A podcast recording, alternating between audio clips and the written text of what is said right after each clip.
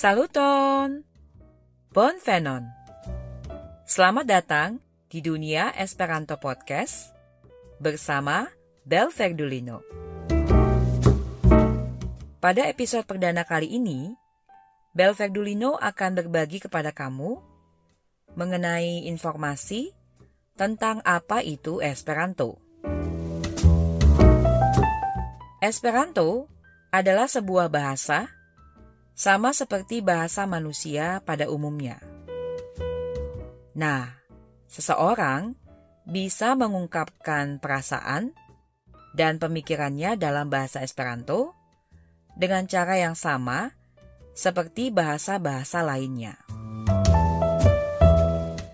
Bahasa Esperanto tuh bisa digunakan untuk bernyanyi, berpuisi, berargumentasi, bercinta, bergosip, bercanda, bermain, berdiskusi secara ilmiah, menghibur, dan banyak lagi.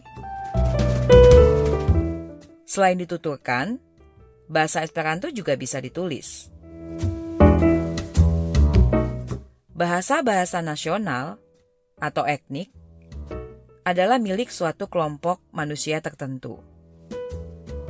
Sebagai contoh, bahasa Hungaria adalah milik orang Hungaria. Bahasa Portugis milik orang Brazil dan orang Portugal. Terus, bahasa Jepang adalah milik orang Jepang. Bahasa Indonesia milik kita orang Indonesia. Dan seterusnya. Nah, Inilah yang membuat beda bahasa Esperanto.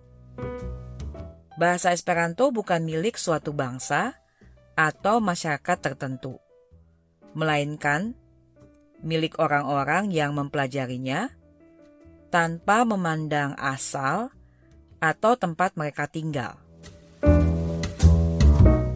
Esperanto bukanlah bahasa nasional, tapi sebuah bahasa internasional yang dituturkan oleh orang-orang dari berbagai belahan dunia.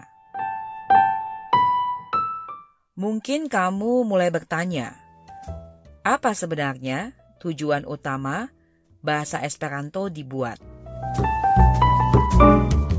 Tujuannya adalah untuk memudahkan kontak dan komunikasi antara orang-orang yang tidak memiliki bahasa ibu atau bahasa utama yang sama. Dari pengalaman Belverdulino, bahasa Esperanto cocok digunakan dalam konteks komunikasi antar bangsa. Di antara orang-orang biasa yang punya ketertarikan dengan kebudayaan yang berasal dari negara atau masyarakat lain.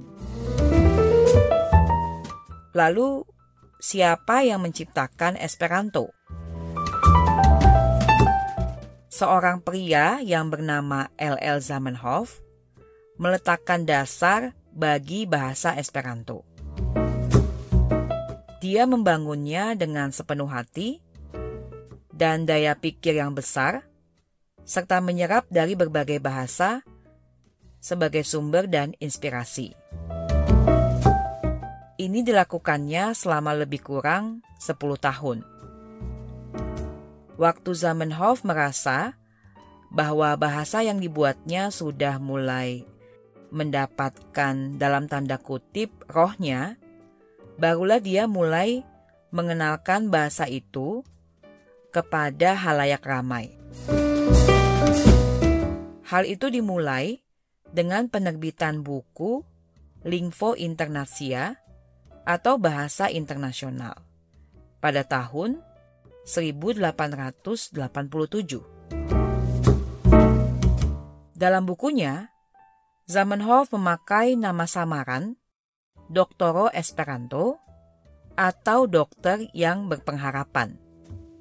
Dan selanjutnya, nama Esperanto itu menjadi nama dari bahasa itu sendiri.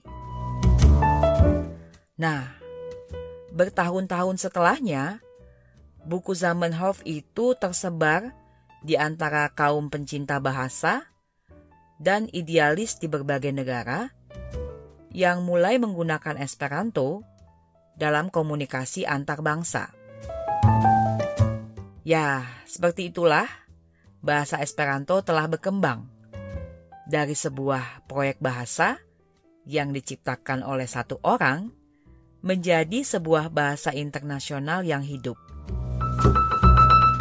Saat ini, bahasa Esperanto digunakan oleh jutaan orang di seluruh dunia. Terdengar luar biasa, kan?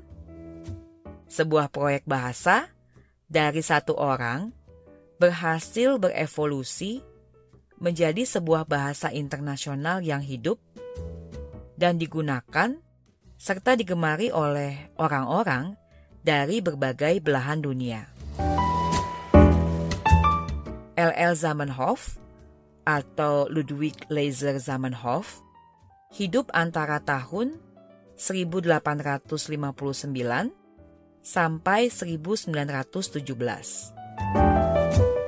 Selanjutnya akan ada episode khusus untuk membahas kisah kehidupan Zamenhof.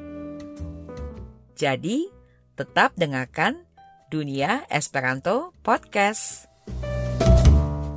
Terima kasih sudah mendengarkan episode ini. Sampai jumpa di episode selanjutnya.